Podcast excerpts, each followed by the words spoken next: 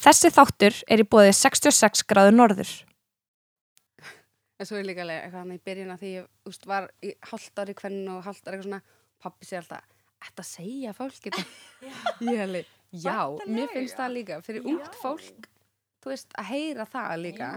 mér finnst það að vera bara svona,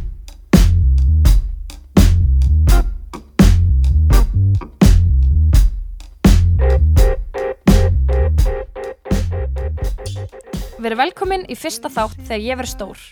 Þátturinn er viðtalsþáttur þar sem rættu við fólk úr öllum geirum samfélagsins. Við erum Vaka og Vala og í þessari fyrstu sériu ætlum við að fá til okkar öflugar konur úr íslensku samfélagi og heyra hvernig þær náðu árangri á sínu sviði. Hugmyndin er að veita innblástur og heyra í flottum fyrirmyndum. Við verðum með fjölbreyttan hóp viðmælanda svo allir geta fundið eitthvað við sitt hæfi. Þú getur nálgast þáttinn á podcastformi á 101.life.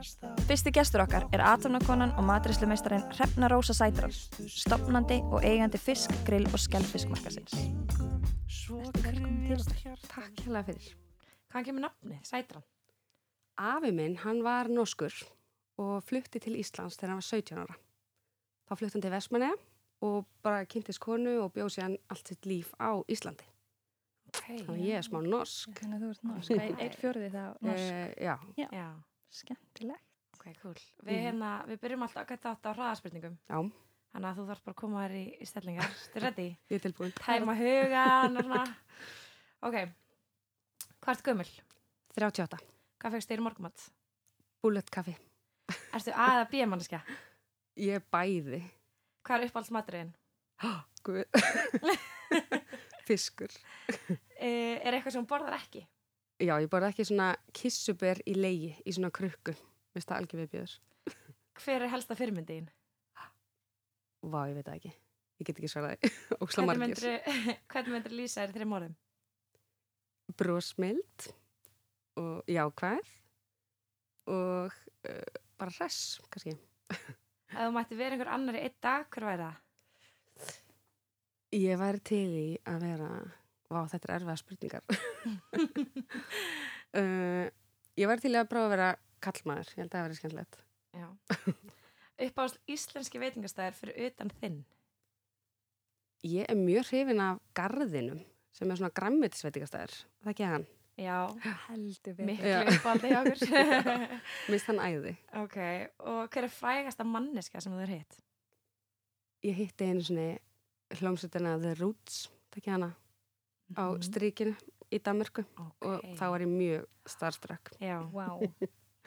ok, þetta var skemmtilegt. þetta var virkilega skemmtilegt. Já, Garðurinn er öruglega ein svona, já, þetta er leyndasta perla í Reykjavík. Algjörlega. Fólk veit ekki af þessu og bara, þetta er, veist, mjög skemmtilegt konsept líka. Þau Mhm. eru, hvað, þau með einhver svona hugleyslu og eitthvað þannig líka tengst Það er bara, ef maður sest þetta niður og er að borða matinn, þú veist, þú ert eiginlega bara huglega meðan þú ert að borða, Já, þú veist, maður er bara eitthvað, vá. og sumrin þegar sólinn úti og eitthvað. skemmtilegt, vá, Þess- mjög gaman að svara þessu. já, þetta er ekki ad samt.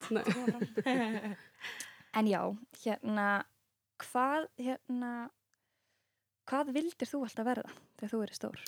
Mér langaði að vera lögga, Já. já, og mér, ég hugsa stundum til þess ennþá. Er Ég held að vera ógislega gaman að vera lögga. Hvað, er sá draumir? Ég bara, mér fannst það spennandi, veist, og þá langaði mig að vera svona rannsóknulegurgla, sko. Ekki alveg beint í, þú veist, hverjum byssu hasar eitthvað, þú veist, þannig. Mm. Þetta kemur örglega úr einhverjum bíómyndum. Já. En mér finnst alltaf svona að horfa á svona réttarsal og löggurnar, svona mattlokka eitthvað þegar ég var Vá, lítil, hvað þú fyndið. veist, og loðin order. Hvernig krakki varstu? Varstu aktív eða varstu... Já, ég var sko mikið í íþróttum Já. og var alltaf í samkvæmistansi og steppdansi og rockdansi og ballett og jazzballett og Mm, svo fór ég að hafa sund og þannig ég var mikið í svona íþróttum og Mm. mikið líka bara, já, í félagslífi og svona en ég er samt enga bann þannig að þú veist, ég var, Hvað, hvað ertu uppalinn? ég átti heim í breiðholtinu alveg frá því ég var tveggjara til 12 ára og svo flytti ég upp í Grafvók í eitt ár og svo flytti ég neyri bæ eftir það og er búin að búa neyri bæ síðan þá. Ok, betur hvað varstu þá í dansi? Og, Ég var í dansskóli Hermas Ragnars og ég var svona að keppa í svona tíu. Þú veist, Þannig ég var alveg, í samkvæmast ég var í sangastöðsum Já. og fór alveg að keppa í Blackpool og þú veist, var að keppa í ykkur Danmörku og svona, og, þú veist, Vá, alveg bara með brunkukremin og Já. bara allt þetta. og þú veist, ég var með sko, ég var sendið ljós þú veist, þetta var fyrir Ok. tíma þegar núna er allir bara með brunkukrem og eitthvað svona það var ekki jafn þróa þá sko þannig að ég fór í ljós og það lítill 12 ára eða, þú Nei, yngri sko Vá. Ok. og ég var með stiftar neglur eitt skiptið það Vá, það er rosalegt. Já. Fyndi. En manstu ólíkt eftir, já, Já. ekki gíska þetta. er líka, hæ, ert þú svona danstýpa? En manstu eftir hvað ég fannst vera besti matuðin þegar þú varst yngri? Já, ég var mjög dómhörð á mat þú veist, ég var svona bara ef það er ekki nógu gott hráefnið þá var ég strax bara, úst, mamma, ég get ekki borðað þetta, þú veist, þetta var bara Skrítið ekki nógu gott finna það strax. það var eitthvað svona, bræðalögarnir voru bara eitthvað neginn þróaðir og þú veist, það var bara svoðin fiskur, ef hann var svoðin á lengi eða eitthvað aðeins og gamall eða eitthvað, þá var ég bara, nei, ég get ekki borðað þetta Þannig ekki matund, meira bara pikki. Já, þú veist, ég borðaði alveg allt, sko, nema ég byrjaði ekki að borða svínakjöt fyrir en ég var orðin svona 12 ára því með að svín svo sæt, ég vildi ekki borða svín, svínakjöt, sko Borða það í dag. Ha, ég borðaði, já. Ég hérna, um, þannig að þú var mikið aldamannska í fjölskyldinu eða er þetta, Sko, er, heldur að þessi áhugi á matrisli hafi komið? það er engin nefnilega í fjölskyldunum minni sem er eitthvað kokkur eða þjótt, þannig að þú veist, þetta er ekki eitthvað neginn í fjölskyldunum, sko, og það var ekkit mikið verið að elda svona mikið að veistlumat, sko, en mamma eldaði alltaf eitthvað bara svona basic heimilismat og svo borðaði ég mikið hjá um og afa.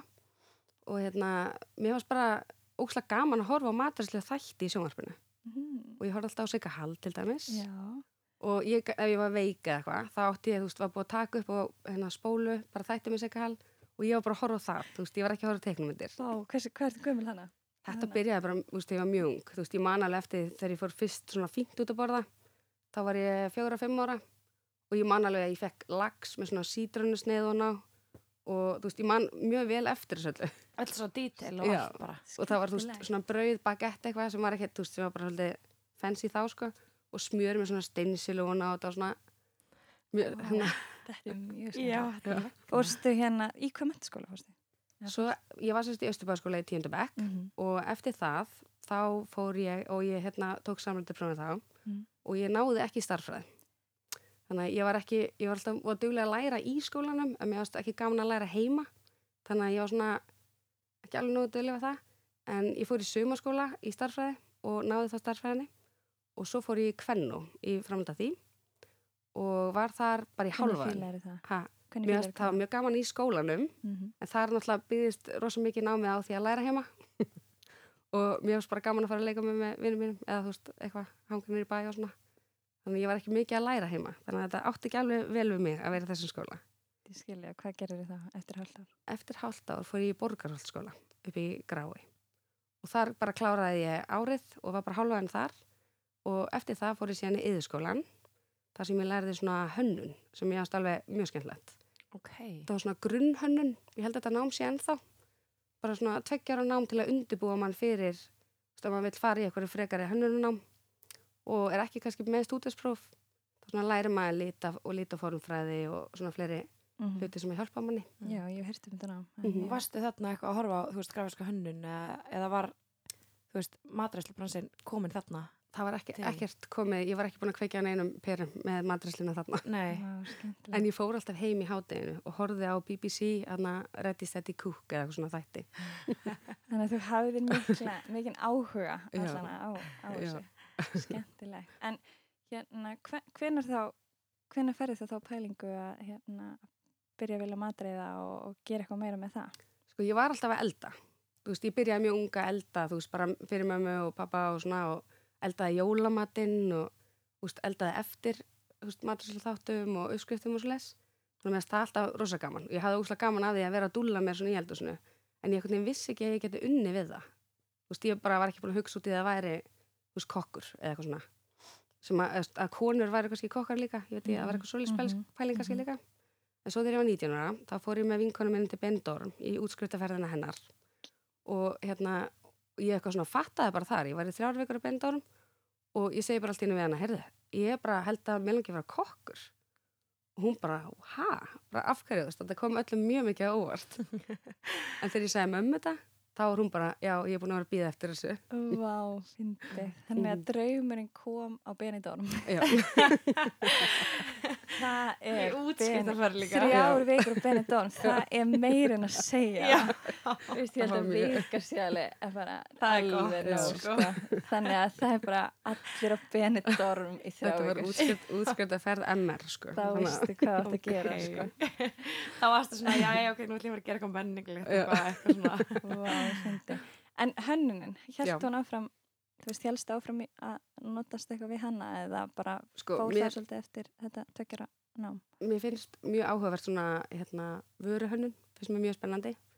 Og hérna, maður er svolítið svona þegar maður er að búa líka til rétti þú veist, mat og svona, og setja á diska þá er maður svolítið að hanna útlitið og vitið, þú veist, setja saman einhverju liti þannig að þetta tengist svolítið inn í maturslu, finnst mér. Mm. algjörlega. Þú veist, þannig að líka bara eins og með staðina og með leirtau og með nývapör og bara svona alls konar hlutir Mhm. þú veist, það er gott að hafa lært smá svona grunn í því algjörlega, ég Mhm. menn þetta er náttúrulega bara list Já. matrisla Og hvar lærir þú kokkin? kokkanámið er í MK Já. en maður þarf alltaf að byrja á því að fara á samning á veitingarhúsi þannig að ég byrja á því að reyna að finna mig samning og hérna ég fór á nokkra staði og fekk ekki samning strax en svo fór ég á apotekið sem var sérst, ekki apotekið sem er núna heldur það var annar staður sem ég heit apotekið líka Mm. Og þar var bara að byrja veitingarstaður og hann var bara glænýr og ég fekk vinnu þar en ekki sem nemi af því að þau ætluðu ekki vera með nema. Og svo bara byrjaði ég að vinna á vaktinu þar og fannst þetta bara ótrúlega skemmtilegt. Það var sem kokkur eða aðstofa Já, það var bara svona aðstöði mm eldhúsinu. Mhm. og ég bara einhvern veginn dróst alveg inn í þetta og bara fannst þetta geggjað og var alltaf að vinna auka og bara flutti eða bara inn á apotekið og svo eftir tvo og þrjá mánu þá spurði yfirkokkurinn mig hvort mér langaði ennþá til að læra að vera kokkur og ég sagði já og þá sótti hann um samning fyrir mig Mm. Frábært. og út frá því þá fekk ég bara að læra og varstu bara alltaf að fíla hérna, maður hefur heyrt náttúrulega að þetta er kokkavaktinnar og þessi svona stemming sem fylgir í að vera kokkur það Mhm. er ekkert fyrir alla svona að maður heyrt mm -hmm. varstu bara strax, fílaði þetta alveg strax eða varstu svona svolítið lengi að koma þér í gýrin eða hvernig svona Sko það var til dæmis ein ástæða fyrir að mamma vildi ekki benda mér á þetta af því þú veist þegar ég var yngri þá var ég bara, veist, vildi fara í partí á föstu þú veist, og vildi, veist, ég hef ekki fílað að vera að vinna á föstu og lögataskvöldum alveg þegar ég var yngri -hmm. en þú veist, þarna var ég orðin 19-20 ára og mér fannst það auðvitað var leiðilt að missa, þú veist, ég misti alveg af mörgu en ég fekk svo margt annað í staðin þú veist, ég gæti ekki verið í öllum partíum og svo kom ég alltaf bara kannski eftir vaktina Mm. þegar, þú veist, aðal dóti var alltaf búið Mm. en í staðin þá alltaf fannst mér bara ógislega gaman í vinnunni Mm. þú veist, þannig að mér fannst þetta ekkit á þeim tíma að vera eitthvað svona erfitt sko. hvað er kokkanum lá? Þetta eru fjögur ár og þrjár annir af því er í skóla þannig að þú veist, það er fyrsti, annar og þriði bekkur og maður er bara, já, maður læri samt eiginlega mest á veitikastöðunum Já. En, eh, já, hvernig, þú veist, í skólanum mm -hmm. getur nefnt fög, bara svo fólk fái hugmynd. já, Það er til Hugmyndir um dæmis, þú veist, danska en þá er það svona danska sem er matartengt veist, þá ertu að læra að segja alls konar hráöfni á dönsku og læra að lesa matsela og læra veist, öll áhöldin og já, bara þú veist, eins og ég lærði frönsku og ég get ekki tala frönsku veist, nema bara við kokka eða eitthvað Mm. Þetta er bara allt eitthvað svona, já, Já. Eskargots eða eitthvað veist. ég kann ekki að spyrja hvað klukkan er eða eitthvað Nei, ég veit. En eftir þetta nám Já. hvert líkur leiðið þá? Eftir að ég útskrifaðist þá fór ég að vinna á sjáakjallaranum sem var uh, eiginlega vinsalasti staðurinn bara í bænum þá. Þetta er bara samastafur en þá Núna er matakjallarinn þar í dag Já. alveg. og hann, hann var svona hérna, mjög hipp og cool staður. Og hérna, ég fór að vinna þar bara nýjútskrifuð og vann þar í þrjú ár og vann mig upp í að vera yfirkokku þar. Og þar kynnist ég meðeiganda mínum sem er sem, sagt, sem við opnum fyrstmarkaðin síðan Mm. saman eftir þessi þrjú ár. Sem er árið uh, 2007, 2007 Já. þá vartu að opna rosalegt ár. Nákvæmlega. Já, rosalegt ár til að opna veitingastað. og hvað var það það var sem sagt hérna já, í, þá í góðarinu sem þið opnaði þetta. Já. fannstu eitthvað fyrir því sko, eftir á? þetta Já. var svona í lokin á því einhvern veginn, þú veist, þannig að við vorum að opna og við náttúrulega áttum engan pening. Þannig að við tókum við að var annar staður það sem fyrstmakkarinn er í dag, sem hétt Maru. Þú veist, þannig að við keiftum okkur inn í þann rekstur einhvern veginn og breyttum bara.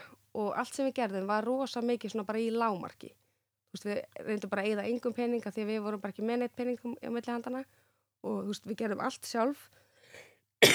Afsakið. Og hérna bara vorum dagnótt þarna að bera steina og úst, leggja snúrur fyrir ramagn og bara allt sem við gátum gert sko. og bara þrýfandi og bara vorum með gott fólk með okkur og fjölskyldurna og svoleiðis og vini og náðum bara að sleppa ótrúlega vel frá þessu og þú veist við fórum ekkert út í neitt svona svo gerum þetta bara alveg lámarks þú veist. Gráhættur eða eitthvað þannig. nei, Já. þannig að við vorum ekki að taka okkur brjáli lán eða byggja um eitthvað veitir, Þið, eru að opna staðinn. Hvað er svona hugmyndin ykkar? Svona konsepti, Konseptið. bakveg já, sko fiskmarkaðurinn er svona úst, ég þarf að hósta aftur svo Já. Hann er sér sett svona undir asískum áhrifum. Og ég bara einhvern veginn hef alltaf verið mjög hrifin af Asíu þótt ég hef bara ekkert verið mikið þar. Og þarna hafði ég aldrei komið ángað þannig að mér finnst bara svona hráefni mjög spennandi og það passar rosalega vel við íslenskt hráefni af því að við erum með svona fest og gott hráefni. Svo kemur þú veist sojasósa, yngi fyrir svona bara hluti sem allir þekkja. Passar rosalega vel við svona ferskan fisk og svo les Mm. þannig að þá hugsaði ég bara með að ferskleikin væri svona mikið í fyrirrumi með bara góða hráfnum okkar og svona asískum blæ Og fannst þér þetta vanta? Þú veist, hvað, akkur, fannst þér bara, hei, ok, ég ætla bara að opna veitingastað. Já, sko, þetta var hérna eins og, og sjákjallurinn, hann var svona fusion bara 500 bröð í einum rétt og svo voru bara aðri staðir þessi var mjög klassískur og, og það var alls konar til en mér fannst alveg, það var engin svona staði beint til Mm. þannig að á þessum tíma þá var ekki mikið veitingastöðum eins og í dag og maður var svona að reyna að gera eitthvað sem var nýtt Mm. og þetta var alveg mjög nýtt á. En það var einmitt hérna þegar ég byrjaði að á gætlaranum, þá var hérna Ágúst sem er meðandi minn, hann var eigandi þar og bara fyrsta daginn sagði ég við hann, þú veist, bara já, svo þú vitið að það langar mér til að opna veitingastað. Og hann vissi alltaf af því. Þannig að þú varst alltaf ákveðin í því að enda í eigin rekstri. Já. Já. ég eiginlega bara fann það bara strax á apotekinu. Þú veist, þá, ég vissi náttúrulega ekkert hvernig var að vinna á veitingastað og það var allt öðruvísi en ég held. Ég held þetta væri... Það? Ég er bara búin að horfa á kokka þætti veist, og þar er þetta allt bara eitthvað svona vodúlir í, þú veist, að elda fyrir fjóra eða, þú veist, er aldrei þessi pressa og, veist, þetta er miklu meira svona lið á veitingastað, þá er bara allir að vinna saman að því markmiði að gesturinn verið ánæður gera ókslega góða mat, gefa, veita góða þjónustu, þetta er svona bara eins og að vera partur af heild, þú veist, þú ert svona Mhm. í liði og allir- er það er ekki hægt, það er bara, þú veist. Bara Þannig að, já, þú, og, mér fannst það líka gaman að vinna undir pressu, þú veist, ég er góð í því, Mm. bara vinna undir svona miklu álægi og skila hlutunum svona hratt og öruglega frá mér og Áhuga. það var svona, Manstu eftir fyrsta kvöldinu svo var opið á fiskmarkanum? já, það var, sko, þetta var aðna mitt, við vorum bara, eins og þetta er bara svo skrítið, þú veist, það er allt svona ekki tilbúið, svo allt í hennu bara klukkan er fimm, ekki allt tilbúið, svo opna sex, þá bara verður maður að opna og þá er allt tilbúið, þetta er svona eh, ótrúlega að fyndi hvernig svona hluti gerast, þannig að maður er alveg með í maganum bara. Og svo opnaði kvöldið og þá var einmitt, sko, var ekkert brjóðlega að gera náttúrulega, vissi ekki af staðnum. Mm. og svo kom ykkur tvær vikur þar sem maður var bara svona ágætt en við vorum alltaf að bjóða einhverjum vinum og þú veist, koma að borða til að hafa líka fleiri gesti. Og, en svo bara náði staðurinn ótrúlega svona fljótt að vera svona með og komast á kortið. Mm. Vistu hvað, hvernig, hvernig ykkur tókst það? Eða hvað, hvað, af hverju það var? sko á þessum tíma þá veist, var ég líka í eins og kokkalandsliðinu og ég var í því í tíu ár og það var svolítið svona gæðastimpill að vera þar og ég var líka veist, eina konan sem var í því og ekki marga konur þannig ég var svona með smá eða fólk vissi svona meira kannski hver ég var heldur en allir aðrir eða Mm að, svona veitir Mm. Á Íslandi er ekkert mikið svona ég ætla að fara að borða hjá þessum kokk þú veist, en í útlöndum er það þannig Mm. þannig að meira fólk er að fara að borða þessum veitingastað á Íslandi en svona ef maður er með svona eins og ég er með smá svona nafn þá hvernig veit fólk að því og það er svona fyrst það spennandi Mm. Það hjálpa þér. Á þessum tíma, þú veist, áttur einhverja fyrirmynd, þú veist, sem var kokkur eða kona og kokkur eða eitthvað svo leis. uh, ekki konu og kokk en ég átti kall, kallkins fyrirmynd sem mm. heitir Morimoto og hann er bara asískur eða frá Japan og mér varst hann bara æðislegur ég var alltaf að fylgjast með honum Mm. og já, en það, það var bara sem, uh, hann sem kokkur sko. Já, einmitt. Hvað, hvaðan vera fannstu djók. hann? Eða, hvernig, hvaðan kom það? Hvernig, Hann, sko, hann var í þáttum sem að, hérna, hétu Iron Chef sem eru japanski kokkaþættir sem eru óslæskendlegir og hann var að keppa þar fyrir, fyrir höndi Japan Mm. og ég var alltaf að horfa á hann bara í tölvunni Hvaðan kemur japanski áhugin? Veistu þið eitthvað? Ég bara veit ekki. Það er bara eitthvað, mér veist allt svo æðislegt við Japan. Og svo fór ég þanga núna í februar. Já, og gerir hérna þættina með Sjónarp Símans. Já. Já. Já, og það var búið að vera, þú veist, mér langaði alltaf að fara til Japan og við vorum búin að vera að plana þetta alveg fjögur ár að gera þessa þætti.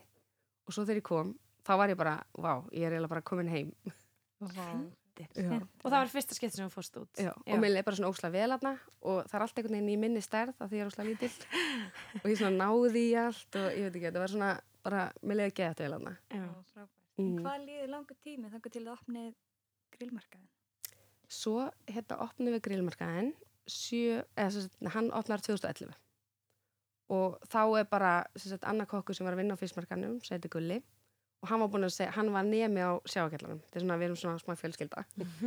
Og hann var að læra þess að þjá mér á sjáakjallaranum kemur með yfir á fyrstmarkaðin sem útskrifaði kokkur. Og hann var búin að segja hann langaði að opna veitingasta og svo náttúrulega eru nokkur áraðna sem líða á milli og okkur Gústa langaði líka að opna nýja veitingasta þannig að við vorum bara búin að vera að vinna að hugmyndinni alveg allan tíman að opna nýja veitingasta, smáta að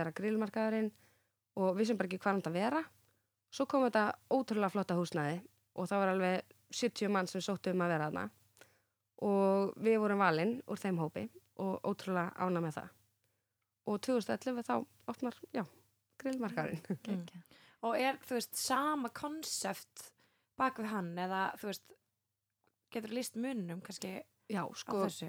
grillmarkaðurinn er svona léttari fiskmarkaðurinn er svona fínasti dagurinn, þú veist Mm. svo kemur grillmarkaðurinn, hann er svona milli þú veist, fólk er oft bara komið í eina steik eða bara eittrétt eða bara í koktela það er svona léttari stemming og fólk svona þú veist, það má náttúrulega droppa inn alls staðar en þeir líður frekar eins og það getur droppa þar inn og það er bara svona já, aðeins ódýrari maturinn en þú veist, og við erum hambúrgaratn í veist, þannig að sem er ekki á fiskmarkaðinu til dæmis Mm. Svona allt öðru þessi. já, Já.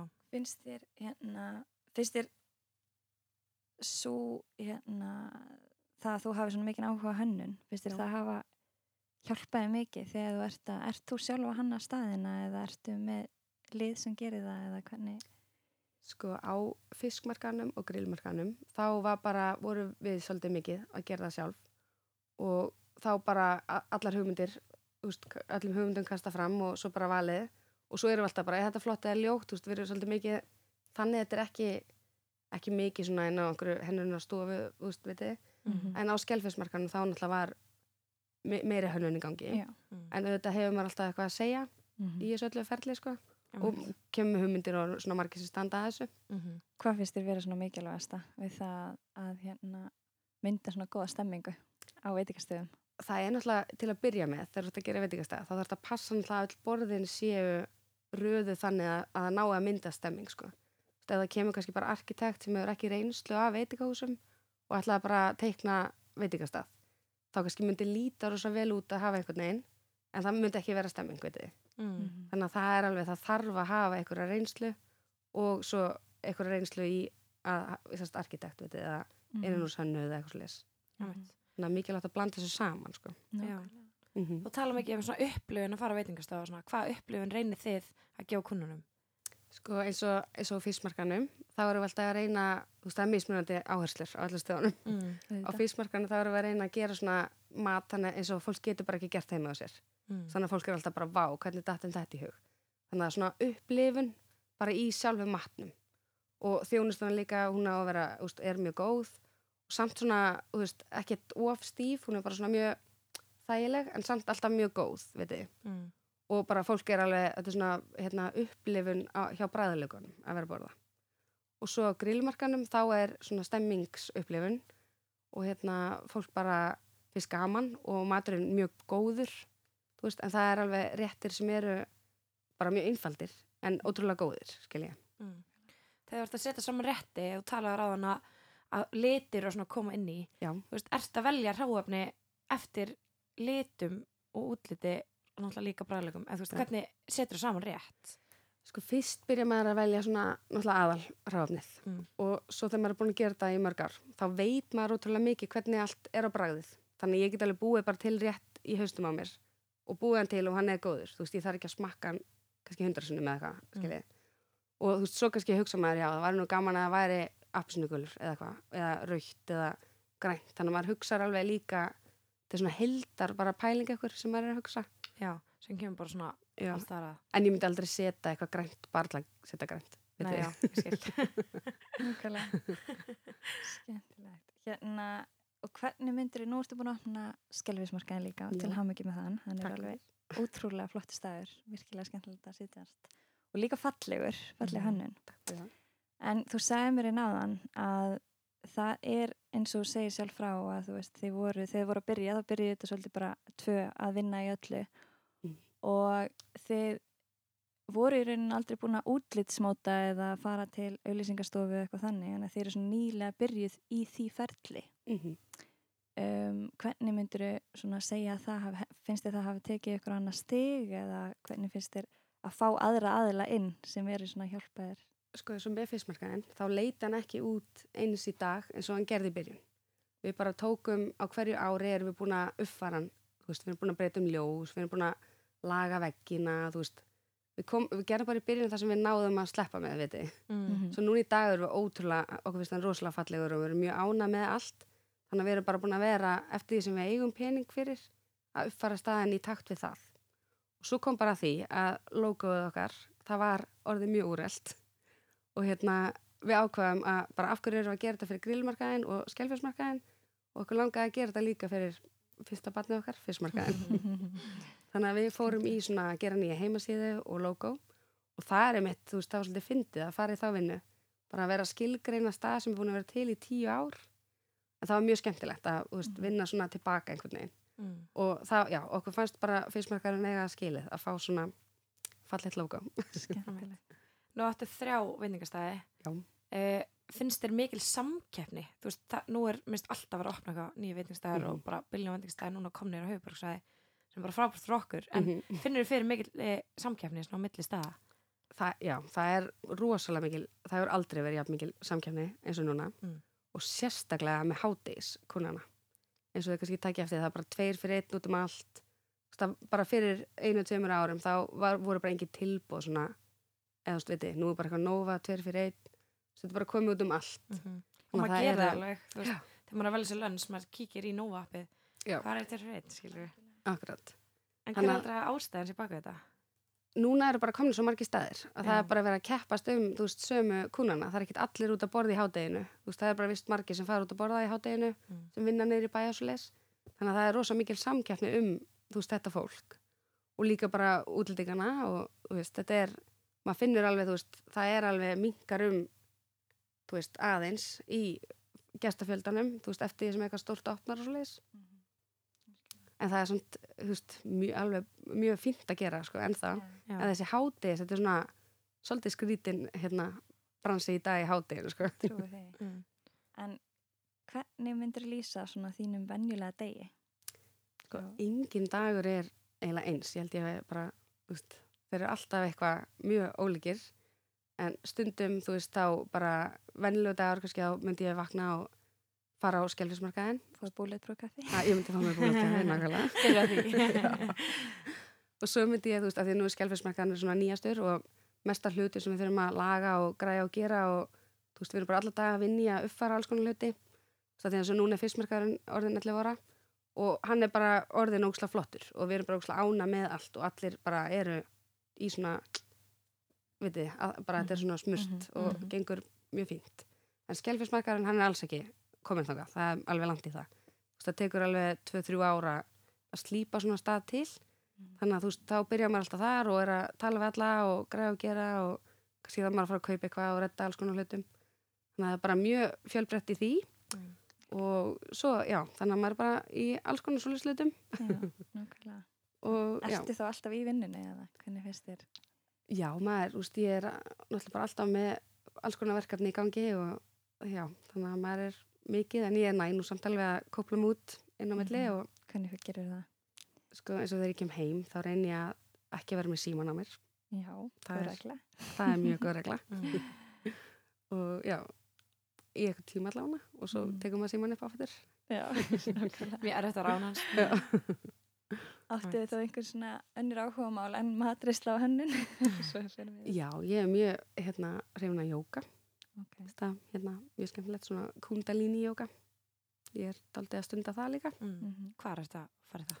ég fer í jókasetrið og svo ger ég mikið heima líka það Já. er svona óslega þægild að gera þetta jóka heima Mm. Það er líka bara svo þægild í dag að komið svo mikið til að maður fyrir bara á YouTube eða eitthvað. Maður getur bara verið með geggjaðan jókatíma heima en maður er með frið. Já, einmitt. Kannski það er fyrir svo sérherbergi. Já. Já, nákvæmlega. En nú hérna gengur mjög vel hérna heima. Þú veist, hefur einhvern sem hann leita út eða hugsað eitthvað um að opna eitthvað úti? Já, við skoðum einu sinni áður en skelfismarkaðurinn var einu sinni hugmynd. Þá Mm. vorum við að spá hvort við ættum að opna stað út í New York og við flugum alveg þangað út og fórum að skoðum og alls konar. En þá voru svona gjaldirishöftin voru í gangi og það var bara ómögulegt að gera það. Mm. Og ég er alveg ána með það í dag að við gerum það ekki, sko. Það hefði verið alveg svolítið crazy. Já. og það er miklu harðara þar heldur en á Íslandi í þessum bransa. Mm. Og við alveg óþekkt, þannig að þú veist, ég veit ekki alveg, það hefur verið rosa mikil áhætta. Mhm. En það var mjög gaman að skoða það. Já, þannig að þú hefur alveg svona pælt í því eða svona, Já, já, já. Og ég er ekkit sérstaklega, þú veist, ég hugsa að ég mun ekkit spá í það meira. nei, Mhm. Mm Fínt að vera heima með okkar hráðafni og Já, ég er rosa hrifin af líka bara Íslandi. Já. finnst bara líðið vel hérna og. Við hérna, þú talar um það þannig að svona, það hefur verið smá stökkpalli fyrir því, jafnvel, að Mhm. vera kona í þessum bransa mm og sem að einmitt getur oft bara verið bara gott fyrir að hérna og koma manni áfram. En þessi bransi er auðvitað mjög, þetta er mjög kallegt umhverfi -hmm. og bara fyrsta sem maður hugsa um þegar maður hugsa um kokkar oftast bara kallmaður mhm. sem er ótrúlega skrítið og, og lítið að konu sem maður þekkir úr bransanum. Hvernig finnst þér svona þú hafa púlaðir í þessu umhverfi og, og, og hvernig finnst þér já, það bara að vera kona í þessu umhverfi? já, kannski bara þinn upplun. Þín Já.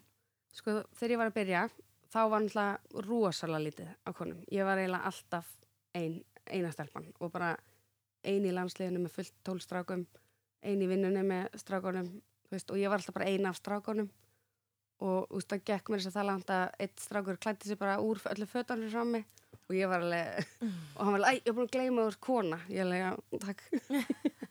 þú veist, þetta, ég var bara svo mikið ein af veist Mm. og ég var að byrja að horfa á fótbolta sem ég hef engan áhuga á, bara til að vera með þú veist, í að vita hver skora eitthvað markana, Bara til þess að geta verið með já. já, einhverju spjalli þegar ég var einhverju vakt sem allir voru að horfa á fótbolta Mm. þannig að það er svona ótrúlega skrítið að vera alltaf bara að tala um eitthvað stráka, svona, það er alltaf öðru sér svona, hvað segir maður, Mhm. allt öðru sér andrúslofti bara, já, já. og svo, þú veist, byrjaði að koma, þú veist, það, það verður þú veist, ég mun aldrei segja að veri, að veri mikið af konum, en þú veist, það kom svona ein og ein og svo kom einn til dæmis sem fór að læra á fiskmarkanum og það breyttist bara rosalega mikið svona umræðunar og allt svo leðis og það var bara mjög skemmtilegt þá, og öllum fyrst það, líka strákanum sko já, nákvæmlega. Og finnur þér fyrir að, að það sé að aukast konur í þessum bransa í dag? Já, það er alltaf, þú veist, það er alltaf að aukast, mann sér það alveg og þú veist, núna í dag í landsleginu eru alveg miklu fleiri konur, heldur séu fimm eða eitthvað núna Mhm.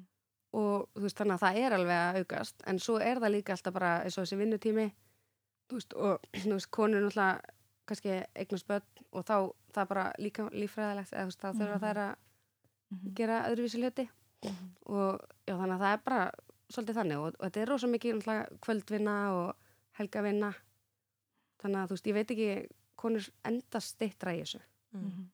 Já. Heyrt En eins og talar um, þú veist, í landsliðinu í tíu ár, kokkulandsliðinu, þú veist, voru þið að mæta á æfingar eða þú veist, hvernig fer það fram, þú veist? það er sem sagt, það er æfingar Já, ok. og það er á tveggjára frestir ólimpíuleikar og, nei, fjóra frestir ólimpíuleikar og hinn, og fjóra, fjóra frestir eru heimsmyndstarumót, svona eins og í fótboltanum, þú veist, tvö ár, skiljið Já, og þannig að við vorum alltaf að æfa fyrir keppnir og það byrjaði svona átta mánuðum áður og þá voru bara svona heilar helgar sem voru teknar upp í mentaskólinni Kópói eða Hotel Geysi eða eitthvað svolítið og þá undirbjóma sér bara í vinnunni bjóma til matinn sem maður ætlar að vera með Mm. og svo mætti maður æfingu og var að maður þarf að hlaupa, þetta er rosa skrítin matur maður þarf að hlaupa hann svona og setja hann á diska og enginn sem borðar þetta ekki þennan hluta, þetta er svona kaldaborðið mm. og svo er, er heitumatur líka og þá var kannski svona hádegisæfing þá var búið hundra manns í hádegismat og við að æfa það þannig já, maður var að æfa já, ok, já. uh Ég er bara Bara svona pældi í landsliðsæfingar. Já, Já. já. maður er aldrei hugsað um þetta svona Því sem var þekkir. nákvæmlega mm en myndir svona segja að hérna, finnur þú fyrir því stundum að þú sért ákveðin fyrirmyndi í þessu bransa og finnst þér að stundum einhvern tímann hafi orðið verið erfitt verið þig að, að þurfa að átta sig á því að vera, vera einhver, einhver svona fyrirmynd fyrir fólk eða fyrirmyndi fyrir stelpur eða eitthvað í þessu bransa. Sko, það eru alveg marga stelpur sem hafa sagt við mig að þær hafi byrjað í kokkinum út af þær sáu mig, veist, að, og þá föttuðu þær eins og ég til dæmis sá aldrei neina konu. Og ég hefði örugglega fattað fyrr að læra að vera kokkur ef ég hefði séð það, sko. Þannig að mér finnst það bara svolítið gaman að heyra það. Og ég hugsa, veist, ég held að hafi alveg mikil, mikil, mikil áhrif, veist, Mhm. að ég sé svona sínileg, veist, fyrir alla að Algjörlega. opnar dyr fyrir og ég myndi bara klálega það líka Já. Það mikilvægt Þannig að mér að- finnst það bara vera gaman sko. Ég Mm. hugsa ekkit, mér finnst það enginn svona pressa eða Nei. eitthvað svo leið sko. Þú nefndir áðan að þú borðar ekki eitthvað svona lögu kissuber. Hérna, hvað er það skrítnasta sem þú borðað? Eða eldað? Ég borðaði svo mikið skrítið í Japan þegar voru alltaf að reyna þú veist, að sína mér eitthvað geggjað og það var bara eitthvað svona kvala þarmar þú veist, það var mjög skrítið. Já, þannig að ég þú veist, bara, bara, ég fór að veitingastað og borðaði áttarétta matsel bara úr kval þú veist, úr mismunandi þegar við vorum með eitthvað 12 tegundra kval á matsel hjá sér.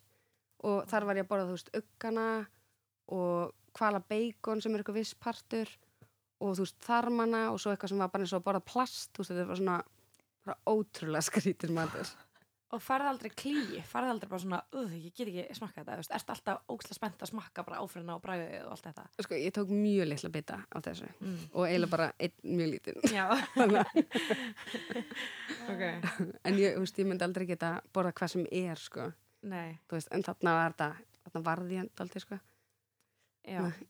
Takk upp þátt og, og svona, Já. það er smá pressa. Já. svo borðaði ég skjálpökusúpu sem var, þar varði ég líka eða svona meðast það mjög skriði, ég myndi aldrei panta mér það kannski, veit þið, Nei.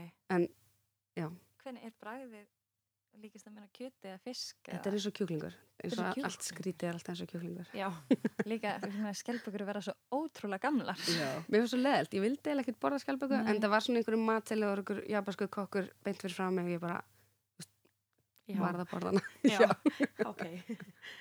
En er- þú veist, þegar þú ert, færði eitthvað svona svona æði fyrir einhverju mat eða, þú veist, eitthvað svona svona sem þú ert bara með eitthvað heilanum bara. uh, já, ég fæ alveg leys mér finnst Mm. alveg, þú veist, ég elska til dæmis núna hrísgrjón, mér finnst það bara hrísgrjón með smjöri finnst mér ókslega gott Ok. sem er ókslega einfalt Mm. að því þú veist, ég er svo oft eitthvað út að borða eitthvað og borða þetta og smakka alls konar, þú veist þannig að þegar ég ræð alveg sjálf hvað ég borða Mm. sem er ekkert alltaf, sem er snöld að segja. Þú veist, ég er svo oft í eitthvað svona aðstæðum sem ég þarf að vera að borða eitthvað og svona þá finnst mér ókslega gott að borða bara eitthvað ókslega einfalt Já. Þannig að þegar þú eldar heima eða, eða maðurinn, þú Já. veist, hvað er svona góð réttur heima bara fyrir fjölskylduna? sko við borðum ókslega mikið bara græmitismat heima þú veist, og finnst það bara ótrúlega gott að gera það þú veist, og við erum ekki mikið að elda eitthvað nefnum eitthvað svona þú veist, eða liggur eitthvað við eða Mhm. þannig, þá erum við að elda eitthvað mikið svona kjöt og svo leis, en annars erum við mest að elda bara eitthvað svona linsupurnarétti og einhver græmitisbuff sem við búum til og einhver hrísgrunrétti og Já, og stundum fisk líka. En talandi um það, þú veist, finnur þér fyrir, núna er mjög vinsælt bara, myndi ég segja, og mjög algengt að fólk sé græmiðsætur eða vegan eða eitthvað svo leiðis. mm -hmm.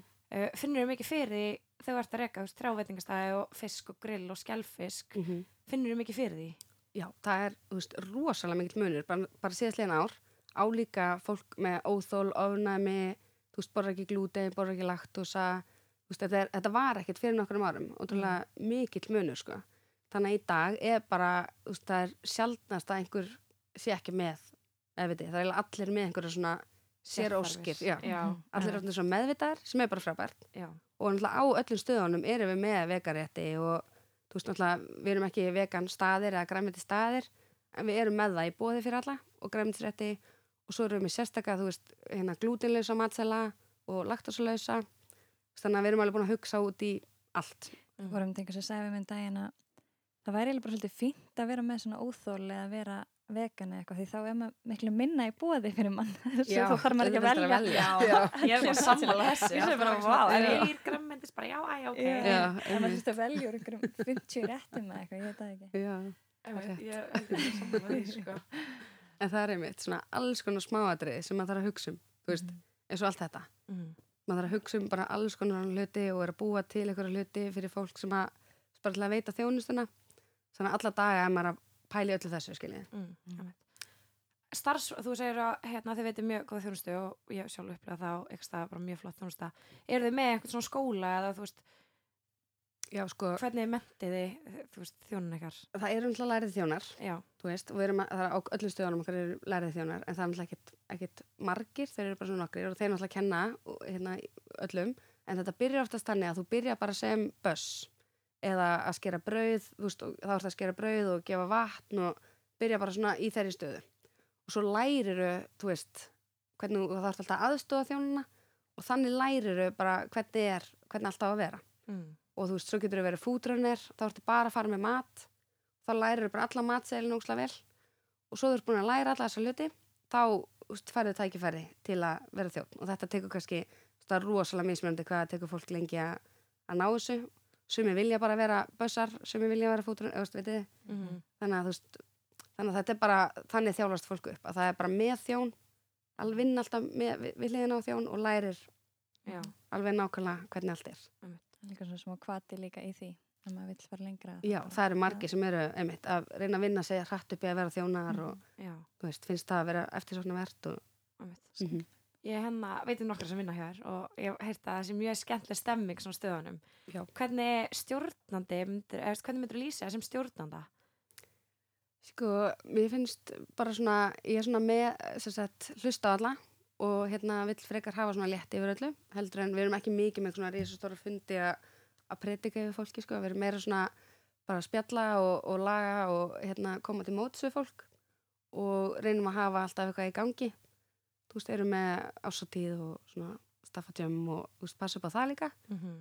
og reynum alltaf, já, bara að allir séu ánæðir í vinninni og það er svona aðal okkar, við erum ekki mikið svona eitthvað eða þú veist, ég er ekkert eitthvað mikið að liggja yfir einhverjum tölum og er eitthvað svona með einhverja fyrirlestra eða vitið, þú veist, það er alls ekki alls ekki eins og þetta er sko, þetta er meira svona persónulegra eða svona meira algjörlega Já. sem myndir örgulega mjög góða stemming sem skila sér örgulega út í, já, út í staðin sko. Mhm. Er örugglega og svo erum við líka með, þú veist, þessu á öllum stöðunum eru yfirmenn, þú veist, það er til dæmis á fiskmarkanum eru yfirmenn og þeir eru bara á fiskmarkanum og bara sjáum það og svo grillmarkanum það er líka og þeir eru alltaf að passa veist, upp á alls konar hluti og við erum alltaf í miklu sambandi við þau Mm. Þú veist, af því að það er, maður getur ekki verið allstaðar á sama tíma, sko, þetta er svolítið svona Mhm.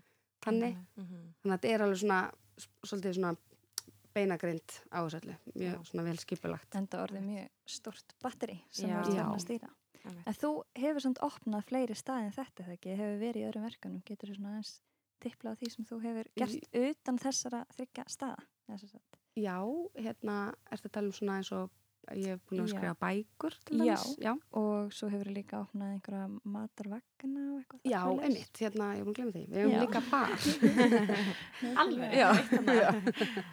Við hefum þess að bar sem heitir skúli kraftbar Mhm. sem er bara svona, okkur langaði bara að prófa að eiga bar og þú veist, hann er svona bara litla krútið okkar einhvern veginn. Mjög Já, það það er svona góð stemming þar einmitt. Mm. Og við ákvæðum bara að því að það er ekki matur í bóðið þar, þá ákvæðum við að hérna, prófa að vera með svona matavagn og hann er sérst bara þá í gangi og þetta er allt öðruvísi með svona bar heldur en veitingastað og þú veist, hann er bara, bara frábær bar sko, þú veist, og við erum, hann er bara þannig með í þessu. Mhm. Einmitt. Og svo erum við líka að flytja um vín sem að hérna, við ákvæðum bara því að okkur langaði að bjóða upp á betra vín þá ákvæðum við að prófa bara flytjinn sjálf og sérst betra vín á betra verði og við náðum að gera það og það er líka í ríkinu saltar. hvaðan er verið að flytja Það heitir Allegrini og er frá Ítalíu Mm. og við erum að gera það með Emil Hallfriðsinni, fótballtamanni já, Já. alveg rétt og hérna hann sem sett uh, er tengilegur okkar við Mhm. Ítalíu og við sjáum um allt á Íslandi hvernig kom svo hugmyndu? Það var bara, hann sko býr úti og er búin að vera þar lengi og hann langaði svo að gera þetta og hann er sem sagt frændi konu meðanda minns Og þetta var bara- og þetta var bara einhver hugmynd og við ákvæðum bara að prófa þetta. Og þetta er bara mjög skemmtilegt þetta er bara svona eitthvað hliðar, hliðarverkefni líka. Já. Já, og svo hef ég skrifað hérna bækur, fyrstmarkaðsbók og og hún, þess að ég gerði hana bara eiginlega fljótlega þegar fyrstmarkaðurinn opnaði. Og svo núna var ég að gera grillmarkaðsbók sem kom út bara núna um daginn Ertu að skrifa þetta sjálf eða ferðu einhvern með þér í það? ég Henni? skrifa þetta sjálf Ok. já, þannig að þú veist, ég er svona að gera ótrúlega mikið af einhverjum svona alls konar hlutum þess vegna var ég að segja, þú veist, að engin dagur er eins Nei, nákvæmlega. og hérna, já, mér finnst bara gaman að skrifa bókina og hérna gera það og svo tökum við myndir og hún er ótrúlega falleg, ég er mjög ána með hana og Mhm. svo hefur við tekið þátt líka í öðrum bókum við erum eitthvað svona auðskriftir í öðrum bókum og gerir haggöðsbók líka eins og Mm. Einmitt. sem er alveg 260 grillréttir. Vá. Þannig að Alls konar sem Það var rosa. mikið, og svo sjónvastættir, já. Já, með sjónsætti núna með, og er það, nei, það er ekki fyrsti þátturinn. Núna, Japan, Já, sko, ég var með á skjá einum í gamla dag, þá var ég með svona þætti sem ég eldaði fyrir fram að myndavill og það var alveg einhverjar 7-8 seríur eða eitthvað sem var í því. Og það var mjög skemmtilegt. Svo gerði ég hérna grillseríu sem var synd á rúf líka einu sinni. mm. Það var hérna samhliða grillbók hagkupa og svo núna smakk Japan. Svo langaði mig að gera svona veglegri þátt. Þú veist, eins og smakk þátturinn er. Þá, þetta er meira svona fræðislu þáttur. Er mjög svona, ég lærði óksla mikið og allir sem að hafa síðan eru bara, vá, ég vissi ekki, ég vissi þetta ekki og ég vissi ekki hitt, sko. já. Svo eru margir sem spurði mig hver- hérna að segja, ég vissi ekki að tala japansku, ég er alveg ég tala ekki japansku sko. ég, veist, ég er alltaf eitthvað, já Þannig að þú varst loksins þú sem varst búin að horfa á alla já, æsku nákvæmlega skemmtilegt. já, Að fá innblásturinn. Já. Það er já, svo ger ég líka eða þú er hann að ískapastrýð ég er líka í því nákvæmlega. Já, það er er gaman. En hérna f- finnur aldrei fyrir pressu þú veist, og þú veist að elda bara fyrir fram að myndavel eða, Mhm. eða þú veist bara að elda þú veist fyrir eitthvað ammæli heima hjá þér finnur aldrei fyrir pressu það er væntalega búist við mjög mikils á þér þegar þú ert í eldhúsinu. Já, jú, það er, það er alveg bara mitt. Fólk er alveg, já, ég, hana jú, það, ég þarf alltaf að gera eitthvað rosalegt það er alveg þannig, sko. En það er líka bara, fólk er óslega hrætt við að bjóða mér í mat sem er svolítið fyndið. Það er alveg, býður í mörg ár oft með það, svo, þú veist, kemur maður í mat og bara, ég er búin að, þú veist, bara ekki þóra bjóður um, á, bara mörg ár, sko, ég vissi ekkit hvað þetta elda kemur oft, ég bara, Já. En, en jú, það er alveg bara, fólk, eða svona, er, vill fá miklu meira, þú veist, ég get ekki gert bara brauðtertu, ég þarf að gera brauðtertu, þú veist, Mhm. alveg. já, alveg, já, einmitt Hvað eldar á jólunum? Svona, sko, ég á jólunum þá er ég með alltaf eitthvað bara mismunandi þú veist, ég er ekkert mynd sérstætt en ég gera ógsláft rækjukoktel sem er mist alveg bara með vennilegum litlum rækjum og svona æsbergsalat og bleikri sósu, mér finnst það alveg ógsla gott og svona jólalegt mm. Svo á, á hérna, annan í jólum þá erum við alltaf með kalkunar samlokabóð wow, Sem það að hef ég aldrei heist. Það er skemmtilegt það við byrjum alveg fyrir tíu árum eða eitthvað. Okay. og þá hérna var það, veist, já, örgulega tíu árum. Og þá var, var, var engi komið börn af vinum okkar. Og þetta er fyrir vin okkar sko. Mm. og þá mætti allir í náttötum og við vorum bara með, þú veist, eitthvað bjór og kalkunarsamlokur. Og það var ógsla gaman. Og svo bara breytist þetta eins og allir komið með börn okkar núna þannig að núna koma börn og, og fóreldrar e, þetta er alveg frá tvöðum daginn til langt fram á kvöld. Og ef fólk er að koma úr setnipartin þá kemur það ekki með börnin. Þannig að þetta er svona, skemmtilegt. Wow, og sumir eru ennþá í Ekki alltaf einhvern vana skemmtilegt. En hérna, eitt sem er mjög fórtunum, uh, að því að ég er mjög mikið áhuga á umhverfsmálum, mhm. uh, þú veist, hugsaðu mikið út í eins og matasóun og plastnótkun og alls konar svona á veist. já eins og við erum sorry Bara eins og, hérna, á núna skelfismarkaðurinn að því hann er svona glænýr þá hugsaum við mjög mikið frá byrjun um þú veist, ruslið þú veist, þá réði við alveg hvernig það væri og við erum með, þú veist, pappatunnu og við erum með, þú veist, bara ruslatunnu venla og svo erum við með, hérna, fyrir matarúrgang bara svona brúnatunnu, Mm. þannig að það er alveg mjög flott þar og bara gengur vel með það og svo á hinnustöfunum þá erum við með, við erum með pappatunnu og allt sem er í bóði, þú veist og reynum, og með matarsóun þá er náttúrulega allt tráöfni er bara nýtt og við erum ekki að henda mikið sjálf en það sem er svona helst sem ég finnst er þú veist að fólk borða svo mis mikið Mm. það er ótrúlega erfitt að áætla þú veist, sumi borða bara að vera sattir af engu og aðri bara ennþá svangir eftir saman magn, sko. Mhm. Þannig að þú veist, það er svolítið erfitt að díla við þetta. Ég held að fólk verði svona, dálítið sjálft bara að vita, þú veist, ef við myndum minka eitthvað skamt, eitthvað, þá er kannski fólk úrslega pyrrað að finnist litli skamtar hjá okkur. Mhm. Þú veist, þannig að mér finnst þetta, þú veist, ég hef ekki ennþá fundið lausna á þessu. Mhm. á svona skamtastærð Já, þú veist, Já. við erum með svona, já, lang flestir eru bara góðir með þetta, en sumir eru ennþá svangir mm. Og þá verður þeir bara að segja okkur frá því, eða hvað. Mhm. Og svo eru aðrir sem skilja eftir og eru sættir, þú veist, þannig að þetta er svona, Já, pínu erfitt að sig á sig. já, en við erum ekki, þú veist, að henda neinu mat, vitið, Nei, þú veist, neinu hráefni, það er allt góð regla á því, sko. það er gott. Mm hérna verður einhvern tímann uppskafa hugmyndum Á Já, það mat. kemur alveg fyrir. já, Hvernig færði innblástur? Hvernig ég er svona, þú veist, bara með öllu, bara hugsa um, skoða hvað aðrir eru að gera líka. Mér finnst það, þú veist, við förum oft í, þú veist, ég oft færi bara í, til útlanda að borða einhverjum veitingastöðum. Það er alveg hlutur sem maður gerir reglulega til að fá, svona, ekki að maður sé að fara að gera nákvæmlega sama, heldur bara til að fá svona nýtt eitthvað, breyta til. Mm. Og við förum oft líka með, þú veist, yfirmenn eða einhver, einhverja frá stöðunum, þú veist, með okkur, kannski að sína þeim eitthvað sem okkur finnst geðað flott og þannig fá þau líka innblástur og allir eru svona á sömu blaðsíðinni Mm. Og bara skoða eitthvað blöð og, og internetið. Nákvæmlega. ekki verður örugglega mikið info. en stundum er maður bara, ok, nú er ég að gera eitthvað skrift og bara núna og það er núna. Og ég bara, ég, mér þetta er ekkert í hug og það er mjög, þú veist, erfitt. Já, það þröngu einhverju svona út. Já, fólk heldur alltaf að maður eigi bara eitthvað lagar þú veist, ég er ekkert með lagar af uppskriftum. Veist, ég býða bara til veist, auðvitað gæti ég alveg fara úr stóli einhverju en mér langar það ekki þannig að En hvað finnst þér hafa verið svona eftirminnilegsta atvikið á ferðinu? Bara síðan þú byrjar í að starfa sem kokkur eða, Mm, það, já, mér finnst sko margt vera svona, þú veist það er svo margt sem að, eins og þau opnum veitingastæðina og margt svona alveg frábært sko. En það var ótrúlega eftirminnlegt fyrst við erum að tala um svona kynja dótið, þú veist þegar ég var yfirkokkur á sjákjallarunum þá var bara ótrúlega margir sem voru bara, þú veist, kannski hringdu og sagði, já, hérna getum við ekki að tala við yfirkokkin og ég leiði, já, ég er yfirkokkurinn. Nei, þú veist, getum, getum við ekki að tala við yfirkokkin ég eitthvað, já, þú veist, ég er skilur, bara trúðir ekki? Nei, það var bara byrjuð þú? Og svo, úst, þetta var meiri gamla dag, veit úst, fyrir nokkrum árum. Já, sem er fyrir nokkrum árum. Þetta, Já. já, þetta er ekki langt síðan, þú veist, og maður kannski kom, já, getum við ekki að tala við kokkin og ég kem fram, þú veist, eitthvað eh, 25 ára stelpa, þá bara, ert þú, skilur, ég fekk svo oft eitthvað svona, Mm þannig að, þú veist, núna í dag er það bara, ég held að enginn, eða mjög fáir myndu eitthvað segja, sko. En svona þú lítið tilbaka og hugsar um einhver erfið moment, ég meina þetta er náttúrulega aldrei bara einn stóður uppleið, Mm hvað myndir þau segja svona hafi einhver moment sem að, já, hafi verið þér svona erfið eða þar sem þú þurft að bara svolítið að- að kjarka sig gegnum?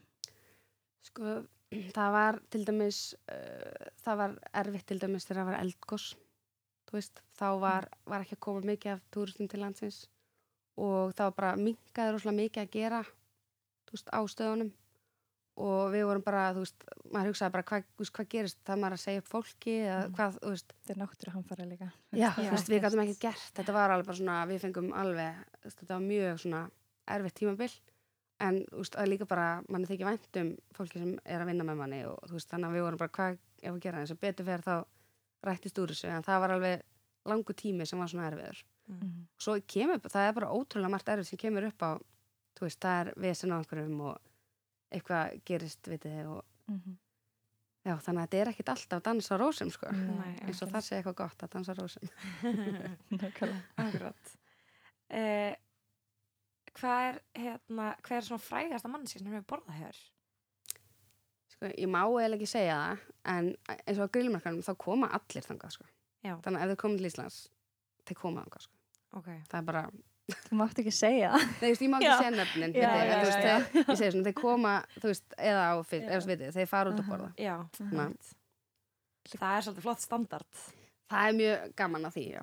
Já, ég trúi því. Var ekki Kim sem kom og einhverjir... Það er fullt af fræðu fólki fólki kom til Já. Ísland, sko. Þau komu, það var alltaf í þættinum, Já, þannig ég var að það. vinna var- þá, þegar þau komu, það var mjög fyndið.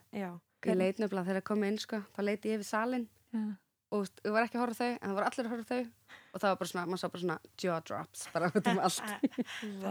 Það svona stoppaði klukkan eða eitthvað, þetta var alveg svona þau, það, var alveg bara, það var alveg bara í gangi þú veist, þið er aldrei að loka staðnum fyrir einhver ákveðna eða það er Nei, það er, þú veist, við erum með svona prívat svæði, þú veist, á stöðunum og þú veist, það er oft sem að sumir er ekki þar, sumir vilja bara eða, þetta er rosalega persónubundi eftir því hver það er. Já. að þau voru í bakharbyggi þú veist, og skemmtilegt, mm -hmm. áhugavert. Mhm, Mjög. Já, þetta er hérna svona ímislegt sem þú hefur brallað, myndi maður segja. Hvað finnst þér og samt vera komin á þann stað að þú sért bara komin í draumastarfi Mm. eða er einhver draumur sem að þið langar ennþá elda? Er það eitthvað sem þið langar að verða þegar þú ert orðið stór? Já, mér langar að lögga Nei, Please. Nei sko, ég er svolítið svona, þú veist, núna er þetta bara í gangi Mhm. og ég veit ekkert, þú veist, nú er, er ég 38 ára og maður veit ekkert, þú veist, maður heyrir alls konar að fólk sé bara alveg að skipta um starf þegar það verður eitthvað að 50, ég veit ekki það er alveg algengt í dag þú veist, ég ekkert, er ekkert búin að ákveða neitt beint, þú veist, en mér langar samt alltaf, þú veist, mér líður vel að bara hafa staðan, ég var alveg sátt við að halda þessu áfram, sko Mm. og ég er mjög bara ánægð, finnst alltaf gaman að fara í vinna og Mhm. bara hef mjög gaman af þessu, þetta svona fjölbreytt og Já. alltaf nóg svona, nóg skemmtilegu og. Og þú sér þig alveg í svona þessum geira áfram, já, mér finnst þetta mjög skemmtilegt Já. og hérna, já en ef ég myndi segja mig, ég, þú veist, ekki ég sé að fara að gera það, en þú veist, ég var alveg til í að prófa um þetta, hérna, vöru hönnun eða eitthvað Já. þú veist, ég held að það væri mjög skemmtilegt Mhm. Einmitt. Hallastu meira rekstrinum eða matræslinu í þessu? það er svona, þetta er svona upp veist, bæði, þú veist, eins og núna voru en þá var ég bara á vaktinni alveg, þú veist, ég er bara ný ekki lengur á vaktinni, skilja, þú veist, ég var alveg að Ekki vera að elda, sér sagt. Já, Já. Veist, ég var alveg bara þar í, þú veist, núna í 2-3 mánuði, bara alveg fullu og svo bara kemur að því að maður þarf að fara að laga önnur mál og þá er ég búin að aðeins stíga frá því og er að hugsa um, þú veist, reksturinn og öll fjármálinn, kostnaðinn og, og líka reyna að finna einhverja nýja hluti að gera af því þú veist, ef maður, ef maður er bara á einum stað að ég veri alltaf bara í reksturinnum alltaf hitt öruglega svona Mhm. vanta upp á hitt sko en maður þarf svona alltaf að passa, maður getur ekki bara haft alltaf sama, þú veist, ef maður er alltaf með sama matseilin og alltaf sama, þá verður það svolítið svona úrelt, sko Mm. en maður þarf alltaf eins og við erum með alveg sömu rétti kannski á fyrstmarkanum, eða svipaða en við erum búin að svona uppfæra þá í 2018, veit þið veist, Það er alltaf þróun í gangi. já, Já. þú veist, við erum með eitt rétt sem er búin að, sem er ógislega góður á bræðið, en hann leit allt öðru út fyrir nokkrum árum Já. þú veist, við erum búin að svona, að því að það er svona tískuströðum alltaf í matarslu Mhm. þú veist, það þarf að, veist, veit þið, þetta form er núna í tísku. Það er nú að, Ok, er fyndi. Og er það líka með, þú veist, leirtau og allt sem tengir stöðunum eða er það meira bara svona lúkið á, sko, það er líka leirtu tíska Já. og koktela tíska. Og það svona, kemur alltaf hvað vist tráefni sem er í Mhm. tísku, þú veist. Granatepli eða avokado eða, veit þið, eitthvað svona. Veist, og þá bara verður allt út í því. Þannig að já, og svo kemur eitthvað nýtt kannski veist, og þá er það svona, verður maður að vera með í því mm. og eða finna upp okkur nýju við höfum oft búið til, þú veist, diska bara sér fyrir eitthvað rétt þú veist, sem er Já. bara ok. Þannig að framleitt bara diskana sjálfa. við, við höfum verið að gera það eins og fyrstmarkanum Mm. þá, þú veist, hefur leirilista fólk veist, bara við höfum hist og þá, þá tók bara, þú veist, alveg átta mánuð að búa til allt dæmið, veit þið Bara heilt lirtu. Og þá, veist, byggum við til disks og byggum til, það var hérna loðunurhrogn sem eru ennþá á matvelnum og þá voru, tókum við þau og söltum þau og byggum til diskin og byggum til réttin og þá er þetta bara í staðin fyrir að kaupa eitthvað disk undir eitthvað rétt sem er búið að búa til, þá er þetta svona öfug Mhm. öfug leið að því þannig að þetta er alveg, er alls konar hluti sem kannski fólk fattar Já. ekki sem er á bakvið allt Mhm. Einmitt. Það þarf að vera svona heldur betur vakandi þegar maður er í þessu Algjörlega. En fyrir þá sem að svona hallast að þessu matrislu eða ein rekstri, mm ertu með einhver góð ráð? já. Sko með maturisluna þá náttúrulega þarf maður bara að fá samning. Og það er alltaf hægt að fá að pröfa þú veist, á veitingastöðunum að því þú veist eins og þegar ég byrjaði þá var þetta náttúrulega eins og ég var að segja bara allt öðru í þessi dæmi þú veist þannig að ef einhver hefur áhuga þá er bara minnsta máli að fá að koma eina vakt í pröfu og þú veist þá sérðu eiginlega bara strax. Þú sérða bara á fyrstu tveim tímunum hvort þetta ávið þig eða ekki. Mm. og þú veist þannig ég myndi alltaf mæla með því að, að taka pröfuna og svo með reksturinn þú veist þá bara eins og þegar við byrjuðum þetta þú veist að gera allt sjálfur í byrjun þú veist. Og reyna að vera, þú veist, reyna að spara bara, þú veist, og eiga fyrir hlutunum eða bara reyna að gera í svona lámarki ekki að vera að taka eitthvað risa lán eða ef maður kemst upp með það veist, Mhm. og byrja frekar smátt er mitt, þú veist, þess að við byrjum með fyrstmarkaðin þá vorum við bara 20 manns eða veist, mestalega, kannski 15 manns að vinna þarna. Þú veist, það er náttúrulega tvær vaktir að, og ég var bara alltaf dag í tvö ár var ég alltaf bara veist, á vaktinni þar. Og veist, þá bara ekki að fara og fljótt frá verkefninu veist, að vera alveg með hausin við þetta Nákvæmlega. mm -hmm. Og hugmyndavinnu, hvernig þú vinnur í hugmyndum. Já. Hvernig... Algjörlega. Æði. Er það eitthvað, einhver loka orð sem þú hefur til hlustanda? Já, ég myndi allavega fyrir þá sem hafa áhuga á svona mat og ég myndi ekki fara út í þetta nema þú hefur áhuga á þessu. það er alveg, það eru mjög margir sem segja, ó, mér er alltaf langa til að eiga veitingahús eða ísbúð eða bakari eða eitthvað svona sem er svona rekstur sem þú þarft alveg að vera úst, svolítið mikið, Ástriðan þarf svolítið að fylgja. já, og þú þarft svona að finnst þetta gaman, því þetta er mikil viðvera og mikil vinna í kringum þetta þú veist, þá myndi ég allavega að mæla með því að, að hafa áhugan áður en veist, þetta er ekki svona lí- lítil krútlega romantísk hugmynd þú veist, að eiga veitingastað Mm, Nákvæmlega. Takk æðislega fyrir að koma. Ótrúlega gaman að fá þig. Já. Bara takk fyrir að hlusta. Takk kærlega fyrir að hlusta. Takk fyrir þig Þau sitja eftir með auð sætispláss til beggja handa.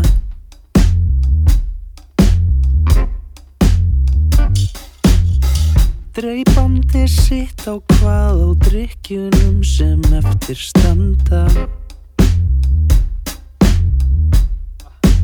Alveg sjálfsagt ekki að minnast á Láttu vaða, leistu skjóðu frá. Ég segi engum, svo krifjast hjartans mál Og einhvers andadýr er panda.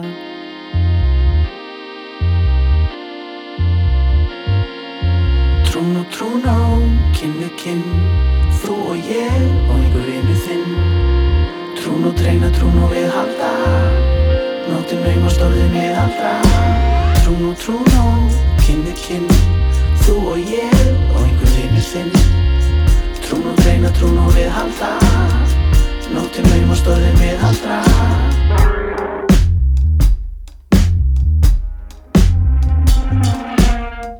Og við svo krumpuð bæð og breytt því það er langt um liðið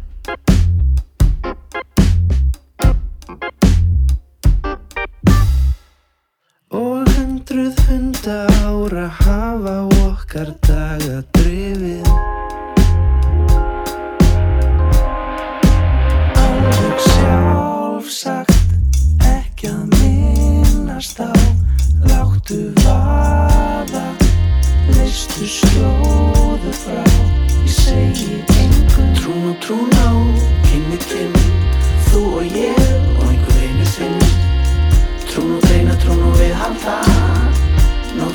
Nóttin naumast orðin við aldra Trún og trún á, kinn við kinn.